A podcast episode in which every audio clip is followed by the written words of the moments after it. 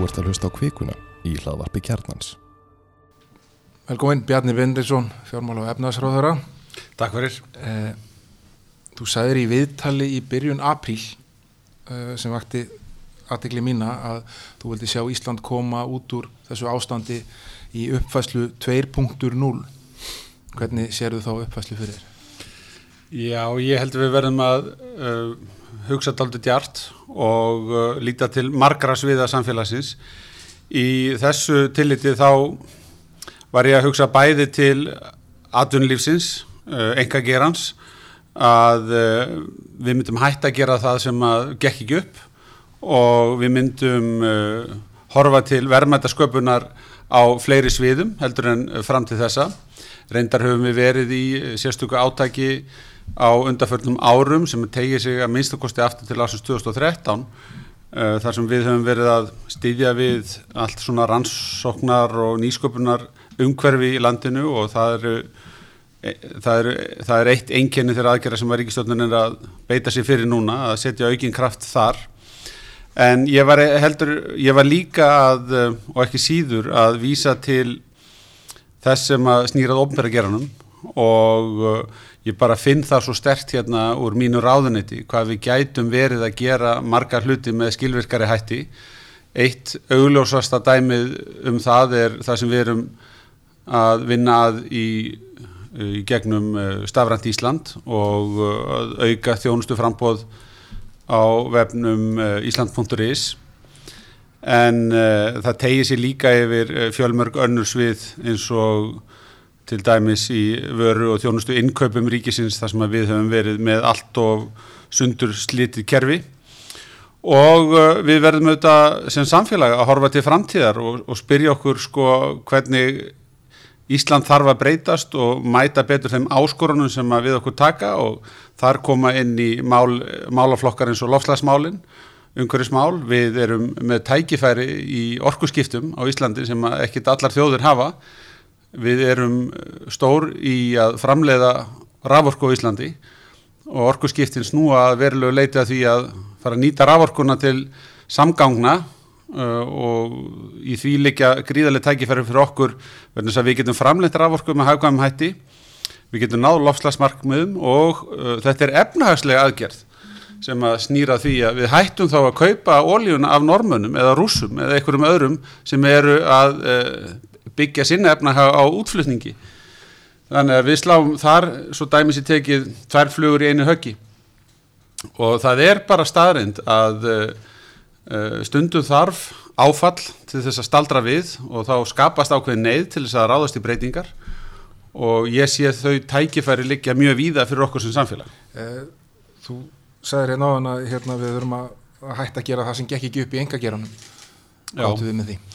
Já, ég held að uh, við þurfum til dæmis að horfast í auðvitað að sum fyrirtæki í ferðarþjónustu voru ekki að ganga nægilega vel og við verðum að gæta því hversu langt við göngum til þess að halda lífið þeim og um það snýst meðal annars umræðanum að við viljum fyrst og fremst uh, styðja við lífvænleg fyrirtæki um, sí- síðan er það bara þannig að, að það hafa verið að skjóta rótum uh, nýjar greinar á Íslandi Ég nefni fiskgeldið sem dæmi, það er ekki þetta að horfa fram hjá því hversu óbáslega verðmættasköpun er þar að eiga sér stað á fáum árum og dæmi um vaksandi atvinnugrein sem við skrifum í stjórnarsáttmálan að þurfum við að, að vaksa í sátt við náttúruna eins og mögulegt er. Við viljum byggja þá atvinnugrein upp þannig að við getum sagt já það er ekki hægt að gera þetta með betri hætti heldur en við erum að leggja áherslu á hér á Íslandi með tillit til umhverju sjónamiða. Um, já, það er nú aðlað það að, að sagt, við sköpum umhverfi fyrir eh, fyrirtæki til þess að, að hérna, f- sko, fá viðspilnu í íslensku umhverfi og uh, séum ekki að tegja okkur eftir því með ofinbjörnum stuðningi að bjarga fyrirtækjum sem ekki voru að reyka sig án vandraða áður en að þetta áfall reyði yfir. Minnist á það að í áföllum felast oft tækifæri kannski til þess að rétta aðeins kúsin. Uh, síðast þegar við lendum í stóru áfalli þá réttum við kúsin sannlega af með ferðarþjónustu uh, sem er lág framleiðileg grein. Þú voru líka að tala mikið um það á undarfötnum í viðtölum að þú vilja sjá meiri framleiðni og meiri skilvirkni í, í íslensku efnaðaskerfi. Mm -hmm. Uh, heldur að ferðarþjónustan eigi einhverja möguleika á því að verða svo stóð eða nála tí svo stóð sem hún var hérna fyrir ekkit svo mörgum vikum síðan Já, ég held að uh, það er bara spurningum tíma og, og uh, við getum líka lært mikið af því sem við höfum gengið í gegnum. Menna, það er ákveðin luxus sem við búum yfir núna. Við erum nýlega búin að fara í gegnum áratug þar sem við sáum hvernig hlutinni gerðust uh, og hvernig, hvaða, hvaða áhrif það hafði á samfélagið okkar, hvaða áskoranir til dæmis umhverfislegu samfélagslegu áskoranir fylgja því að fara úr 500.000 ferðamönnum í 2 miljónir Uh, út um skrifstofugluggan hjá mér í ráðuneytinu þá horfi ég á stæsta fimmstjörnu hótelið, nýtt hótel sem er uh, augljóslega hugsað til þess að draga til landsins ferðamenn sem er að leita að uh, sko, slíkri gisti, slíkum gistimöguleika. Og þarna held ég að við séum aðeins að færa okkur nær því að, að það verði meira eftir fyrir samfélagi heild að fá slíka til landsins Uh, ólíkt því sem væri ef við værum engöngu að trista þá sem koma með bakpóka á niðursöðudósir um, að þetta vildi ég nú nefna. Mér langar líka til þess að nefna það því ég er að vísa til sko þess að við frekar uppbyggingu ferðarþjónustunar getum hort til reynslunar og lært af mistökum sem að mögulega urðu þar Um, það var nú kannski helst að við vorum svona við það að uh, rjúfa þannþólið hjá okkur og, og við þurftum að fara í mjög mikilvæg innvið uppbyggingu. Búum að því núna. En það er annað sem við kannski lærðum líka á síðasta áfalli sem við verðum fyrir við í fjármálarhunnu uh, þá til dæmis raug atvinnleysu upp og það var bröðustu því með því að stór hækka tryggingagjaldið sko það hefur engin minnst á það við mig ennþá. Og ég hef ekki talað fyrir því að hækka tryggingagjaldið. Þert á móti heyr ég bara hugmyndur um að það sé mikilvægt að halda því niður og við höfum verið að lækka það í svona stuttum skrefum. Þá var líka gengið mjög langt í því að stöðva ofnbæra framkvæmdir. Og við erum að gera öfugt núna. Við erum að auka ofnbæra framkvæmdir. Jafnvel þóttu við þurfum að taka lán fyrir því. Verðan sem við vitum hversu mikið samfélagi allt á undir því að innviðinni séu til staðar þá ekki bara við um ferðarþjónstu heldur öll svið samfélagsins í raun og, samfélagsins í raun og veru. Þannig að uh, ég, mér finnst vera mjög áhugaverð merki í svona þeirri viðspilnu sem við erum að reyna að finna núna um að við höfum lært ímislegt af þeim sveiflum sem við höfum áður gengið í gegnum. En við þurfum að nýta þá fjármunni sem sannlega eru til staðar og þann styrkleika sem er til staðar til þess að breyðast við með réttum hætti eins og síðustu mánamótu voru að borga hvað 12 miljardar, ef vinnumálstofnun að borga 12 miljardar í hlutabætur eða atvinnulisbætur fyrir fólk sem er að öllu leti atvinnulust. Eh, það er meira en við borgum á öllu árunu 2018 í atvinnulisbætur. Eh, þetta er engi smá viðsnúningur á skömmum tíma og feikilega dýr aðgjör þótt hún virðist að mörgu liti vera að virka vel. Eh, hversu lengi getur þið haldið svona út? Hvernig hafið þið áformað að bregðast við því að draga úr þessu atvinnuleysis hratt og mögulegt er samlega því að byggja upp eins og við töluðum á þann þessa mm. skilvirkni uh, þessa auknu framleiðinni í íslensku samfélagi Já, við sögum í upphafi að við treystum okkur ekki til þess að lögfesta hlutabótaleðina lengur enn í 2,5 mánuð. Ég held að það hafi verið hárri rétt ákvörðun og við erum núna bóða framlengingu á því úræði með hertum skilirðum.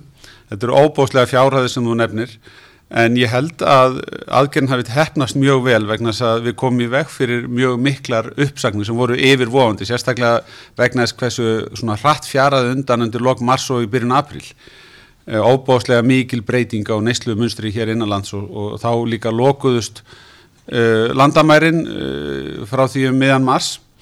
Þannig að uh, þeim peningum hefur að mínu mati verið vel varið Um, við getum ekki endalust uh, sett af staði rísa aðgerðir eins og, eins og þessa en það er, er, er þetta tímabundið. Þannig að það fer að koma tími til þess að við förum úr þessum neyðar aðgerðum og horfum til lengri tíma.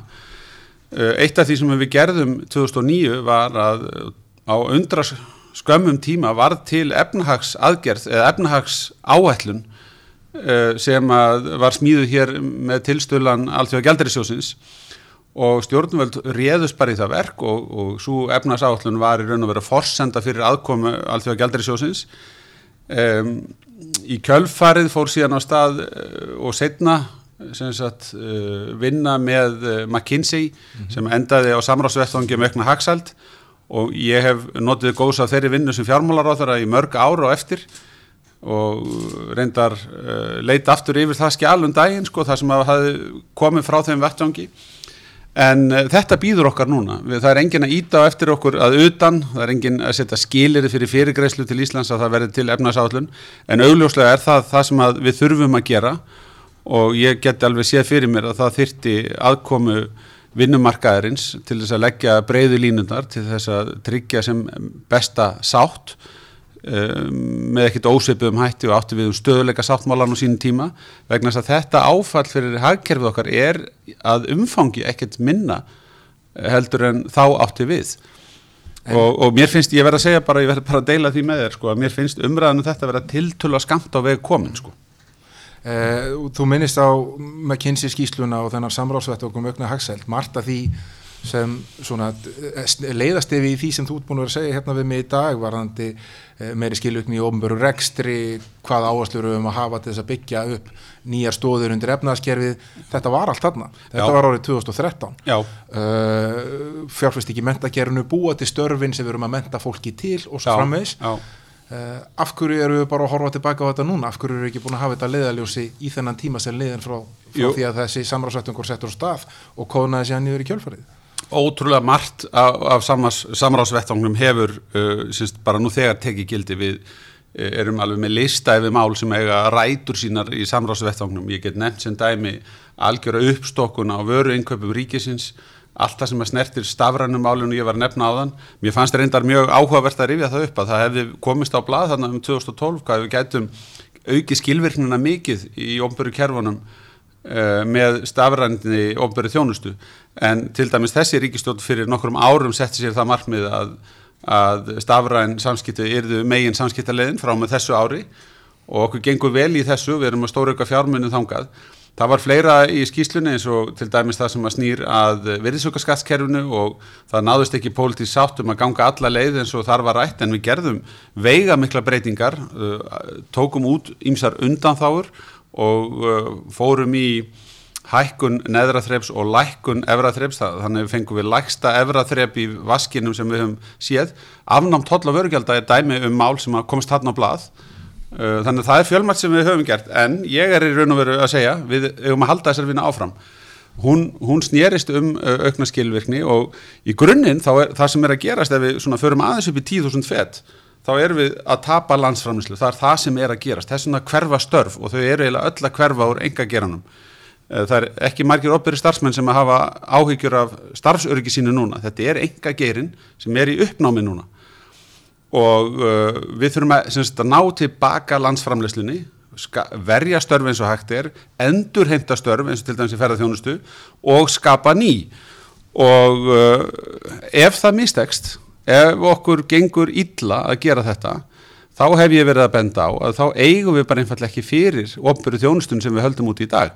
En ég trúi því að við getum gert það þess vegna erum við ekki að skera niður þar uh, en það verður ekki svigrum að meðan við erum í þessu Eh, hvað er að kalla þetta, endur reysna starfi eh, þá verður ekki svirum til þess að fara að auka byrðar sko ríkisins vegna ofnbæra rekstusins og þess vegna eru þessi skilvirkni verkefni svo óbáslega mikilvæg. En maður velta fyrir sér hversu langa tíma það muni taka að koma landframlöslunni aftur í gang þannig að hún geti brúa þetta gat ef við horfum ja. á kannski þetta tvent sem við verðum að ræða hér annars við að ferðarþjónustuna hvenna getur við með sko einhverju raunhefni ætlast, ætla til að hún fari að, að, að taka inn eitthvað sambarlegt og hún gerði hérna áður fyrir þjóðabúið uh, og hins vegar hversu langan tíma tekur það fyrir þessi hugverkastörf sem er verið að fjárfesta í með þessum íviljunum hvað rannsókn og þróun sérstaklega mm -hmm. að verða raunveruleika mm -hmm. uh, ég meina við erum að tala um varandi ferðarþjóðustunni segð þú mér, þú sér sviðsmyndi sem ég sé ekki en ég, maður sýnist að vera að minnstakosti 12 til 18 mánuður þannig að við getum frá að sjá eitthvað fara hérna í gang að einhverju viti og líklega 34 ár þannig að til við getum fyrir að sjá fara þjónustun að vera eitthvað sambarlegt við það sem hún er verið undanförnum árum. Já, ég held að þetta sé nú ekkert fjari lægi sem þú ert að segja. En það sem einkennir bara stöðun í dag er alveg gríðarlega óvisa og ég vil bara nálgast þetta þannig að hérna, við fáum einhverja spár, við fáum spár frá Hagstofu, Selabankanum og þetta eru svona sviðsmyndir. eh, það verða til sviðsmyndir líka hér í mínu ráðuneyti frá Hagfrængum sem er að lesa úr Hagtölum og, og menn er að um, skoða uppgjör tekjuskatts og stakreislu bara í hverju mánuði og reyna að lesa í stöðuna. En uh, það eru óbáslega margir óvissu þættir sem geta haft hér áhrif. Uh, allþjóðleg þróun getur haft áhrif. Um, en við skulum bara reyna að nálgast þetta þannig að við gerum það besta sem að sko, við, úr því sem við getum haft áhrif á ef við stöndum okkur almenlega með allt það sem er sko, undir okkar áhrifavaldi að þá höfum við, þá getum við að miskosti litið tilbaka og sagt, heyrðu, við, við, við gerðum eins vel í stöðunni og mögulegt var. Og uh, þá er ágætt að rifja það upp að eftir fjármálarhrunnið þá vorum við með alþjóða gældarisjóðun og þessa miklu alþjóðlegu sérfræðinga sem hefur margir hverjir farið í gegnum krísur úr eh, hérna í ýmsum heimsálfum og, og sögðumanni sögurnar af öllum kreppum uh, síðustu hundrað ára En þeir sá ekki fyrir þá endurreysna á íslenska hækjörunu sem að uh, átti sér síðan stað. Við komum miklu hraðar upp úr þeirri lægð heldur en spáð hafi verið. Við komum með mun betri skuldastöðu upp úr lægðinni heldur en að nokkur hafi þórað fullir að við mig. Meiri sé að matfyrirtækin voru lengi að átta sig á því hvað var að gerast á Íslandi og, og hækkuði síðan lánshæfi Íslands í hröðum skrefum þegar þetta var að skýrast fyrir þeim. Þannig að uh, ég ætla bara að segja að við vinnum bara okkar vinnu með það markmiði að gera betur heldur en þessar sviðsmyndir og spár sem að er að koma og það er, það er ekki náttúrulögmál að við getum ekki farið úr þessari þröngu stöðu sem við erum í dag og tekið það nýju við 1,5 til 2 miljónum ferðamanna áður heldur en að 3-5 ára eru liðin það sko ef að við verðum klár þá getur það mögulega gest og ég held að við verðum að hérna nálgast að þannig verðin að þess að veginnir og hótelin eru hérna allt aðdráttaraflið sem landi hefur verður til staðar og ef eitthvað er í mínum huga þá hefur forskot Íslands í alþjóðleiri samkeppni vaksið við uh, það sem er þessa atbyrði. Ég mynda er til dæmis að fórsættisráð þeirra Breitlands hvetji menn til þess að nota ekki almenni samgöngu, nota ekki lestarnar og annað. Þetta mun lengi sitja í fólki að það sé meiri smittætta í neðunarar lest í Stórborg heldur en að vera hér upp á sko Kíli eða fyrir Norðanland, Tjörnis og Mellarkasléttu eða hvar sem er. Þannig að ég, ég vil trúa því og ég er, ég er reynda bara alveg samfærður um það að uh, við vorum komin á kortið hjá uh, hinnum alþjóðlega ferðamanni og stað okkar hefur styrst eftir þetta það sem að getur dreyið úr uh, möguleikum okkar til þess að komast svona hratt tilbaka er einfallega að það verði langvinn alþjóðleg efnahagsleg lægð. Þannig að sko kjör millistjættarinnar sem er á ferðinni hafi bara vestnað mm og menn bara hafi ekki efna að ferðast eins og þau gerði áður. Eða fyrir þetta tíma. Svona samhangandi þættir annars vegar það auðvitað uh, hvernig önnur lönd okkar helstu marka er munu opnast uh, og það tengist auðvitað helbriðisvónið sem ofir yfir. Uh, og hvernig tekst að vinna á henni. Og svo hins vegar eins og þú segir eh, hvernig já, bara neistlu geta þeirra sem er á kominga að ferðast hvernig hún verður eftir þetta allt saman. Einmitt. Það hjálpar að íslenska krónan hefur gefið eftir, það mun uh, hjálpa bandarískum ferðamönnum að taka ákvörðunum og koma hinga, þeir áður fengu kannski 120 krónur fyrir dollaran en fá meir en 140 kringum 145-7 krónur í dag. Það hefur bara veruleg áhrif bæð á ferðamannin, líka á kvikmyndaframleðendur sem að horfa mikið á kostnæðin við framlegslu myndan eins og við þekkjum. Þannig að það út af fyrir sig er, er að hjálpa okkur og öðrum útflutningi frá, frá Íslandi. En ef okkur tekst ekki að búa til þessa nýju tekjur til þess að búa þetta, að búa þetta gat innan svona hæfilegs tíma og við þurfum þá að grípa til annara aðgerða. Mm. hvaða aðgerðir sérðu fyrir að við þurfum að fara í þá? Hvernig verður sá niðurskurður? Hvernig verður hann háttað? Ja. verður að fara í aukna skipulagsbreytingar í skipulagi stjórnsýslu? Eru að fara í fækkun starfsfólk? Viltu selja frekar ríkiseignir? Já, ég held að uh, allt sem við getum gert til þess að auka skilvirkni verði semst, fyrsta svarið og að verkefni verði að verja velferðina, ég menna þess, þetta velferðastig sem við Íslendingar höfum náða að byggja upp er framúrskarandi. Þó við okkur finnist ofta að þeim eigi gera betur og þá er þetta mjög gott í alþjóðlegum samanburði og uh, fólk upplifir það líka öllum könnunum að það er örugt uh, í íslensku samfélagi svona á breyðum grundvelli séð. Bæði uh, hvort sem að liti er til aðgengis að helbriðsfjónustu eða hættan á glæpum eða slíkir þættir sem að skipta fólk almennt mjög miklu máli og uh, þess vegna segi ég að verkefni verður að verja þetta. Ef okkur hins vegar mistekst að endurhemta landsamlýsluna og þar með fá tekjur til þess að standa undir samlýslunni þá hugsa ég þetta nú bara einfallega þannig að við munum skulda framtíðar kynsluðum svör þeim sem að fá reikningin fyrir það að við höfum viljað njóta þjónustunar eins og hann er í dag á þess að eiga fyrir henni. Því að þá erum við bara að taka hann alla á láni okkur líður vel með það á meðan að það er að gerast en reikningurinn, hann verður sendur á krakkarna sem eru núna í batnaskóla og maður mun þá þurfa að standa frammi fyrir þeim ekkert hérna og segja, heyrðu, já bara við gátum ekki annað heldur en að hérna, uh, bú okkur þau kjör sem við höfum vanist og við bara vorum ekki til í að gera neitt annað heldur en að velta svo yfir á ykkur, þið hljótið að finna út úr þessu. Það hafa allar kynnslóðir uh, yfir 100 ár almennt skilað Íslandi í betra ásíkomulagi heldur en svo sem að undan kom. Og það gildir jafnvel þótt sumt af því sem að menn gerðu eins og uppbygging lífeyrisettinda hafi ekki verið sjálfbær. Og ég trúi því að við munum gera það sama. Þrátt fyrir þessa krísu við munum finna lausnir sem að uh, duga fyrir okkur til þess að verða nýju sjálfbær taka bara hérna, högg sem er eðlilegt að uh, þjóðfélag þurfi að gera uh, við, að, við, við ja, miklar hamfærir efnahagslegar eins og hér er að eiga sér stað. Og við finnum stað uh, þar sem að við fáum að nýju viðspilnu þar sem að skuldir eru bara sjálfbærar lágar í alþjóðlegum samanbyrð eins og ég sé það og við erum komin að nýju í sókn. Þetta er ekki mjög langt undan en það er erfitt að tímasetja hann ákvæmlega eins og varst að byggja mig um áðan. Þetta, þetta tekur einhver ár Eh, bara í lokin, þú talar um það hérna áður en þetta skall allt saman á að uh, þér hugnaðist að uh, kjósa einfallega í lok kjörtímabilis en ekki flýta kostningum nú eru þetta allt breytt, þetta eru miklar og stórar aðgerðir sem byggja auðvitað á hugmyndafræði sem þú ert að tala um hérna mm.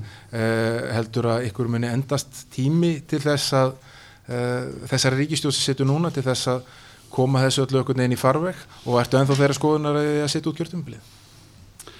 Já, ég er enn þar að skoðunar að, að ríkistjónin gerir rétt í því að uh, starfa út uh, kjörtíðanbilið um,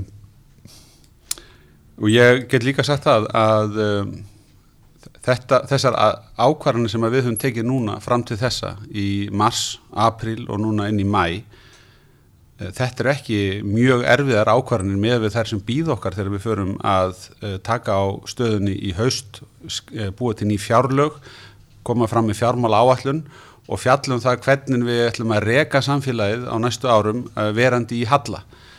Uh, það verða erfiðari ákvarðanir og það er hætt við því að það muni draga fram ákvarðan pólitískar línur sem að uh, munu geta reynd á þannþól stjórnarinnar en reynslan hefur bara sínt mér að við komumst í gegnum slíka hluti. Það er um, gott í apvægi þessar ríkistjórn og mér finnst við hafa sett saman ríkistjórn sem að uh, er líkleri heldur en allar aðrar mögulegar stjórnum við þessar aðstæður til þess að leysa þann vanda. Mér finnst við að hafa skildu til þess að gera það. Það mun kosti einhverja málamiðlanir en uh, það er mjög auðvelt að sjá það fyrir sér að, að, að, að við munum fara beint úr þeirri umræðu sinni inn í kostningar og taka með okkur inn í kostningarnar á næsta ári hvernig sem er verða nákvæmlega uh, hluta þessar umræðu. Bjarni Bensson, takk kærlega fyrir spilli. Takk sem leys.